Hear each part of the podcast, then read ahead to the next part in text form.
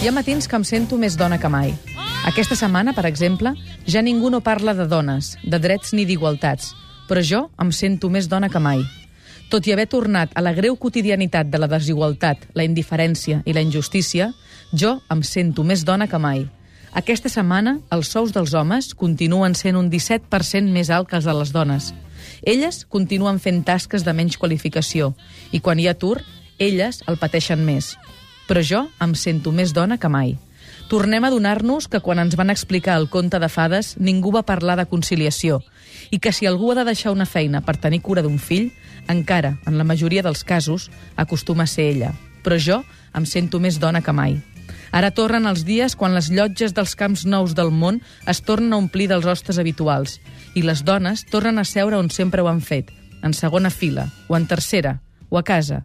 I jo, malgrat tot, em vull sentir més dona que mai. La dona mereix moltes coses que no té.